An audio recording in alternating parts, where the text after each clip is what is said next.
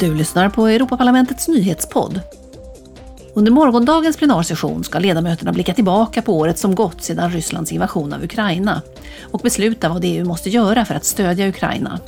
En resolution kommer att tas upp till omröstning dagen därpå. På torsdag anordnar också parlamentets presstjänst ett seminarium om hur EU har agerat under kriget och vad EU har gjort för att minska krigets inverkan på EUs ekonomi.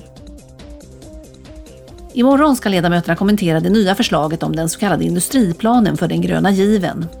Syftet är att stimulera utvecklingen av ren teknik i EU och att säkra EUs strategiska oberoende. Kommissionens ordförande Ursula von der Leyen kommer att närvara på mötet. På torsdagen ska ledamöterna rösta om en resolution om en EU-strategi för att främja industrins konkurrenskraft, handel och kvalitetsjobb. Igår var det världsradiodagen Temat för den tolfte upplagan var Radio och fred. Krig, motsatsen till fred, kan också leda till konflikter i medierna.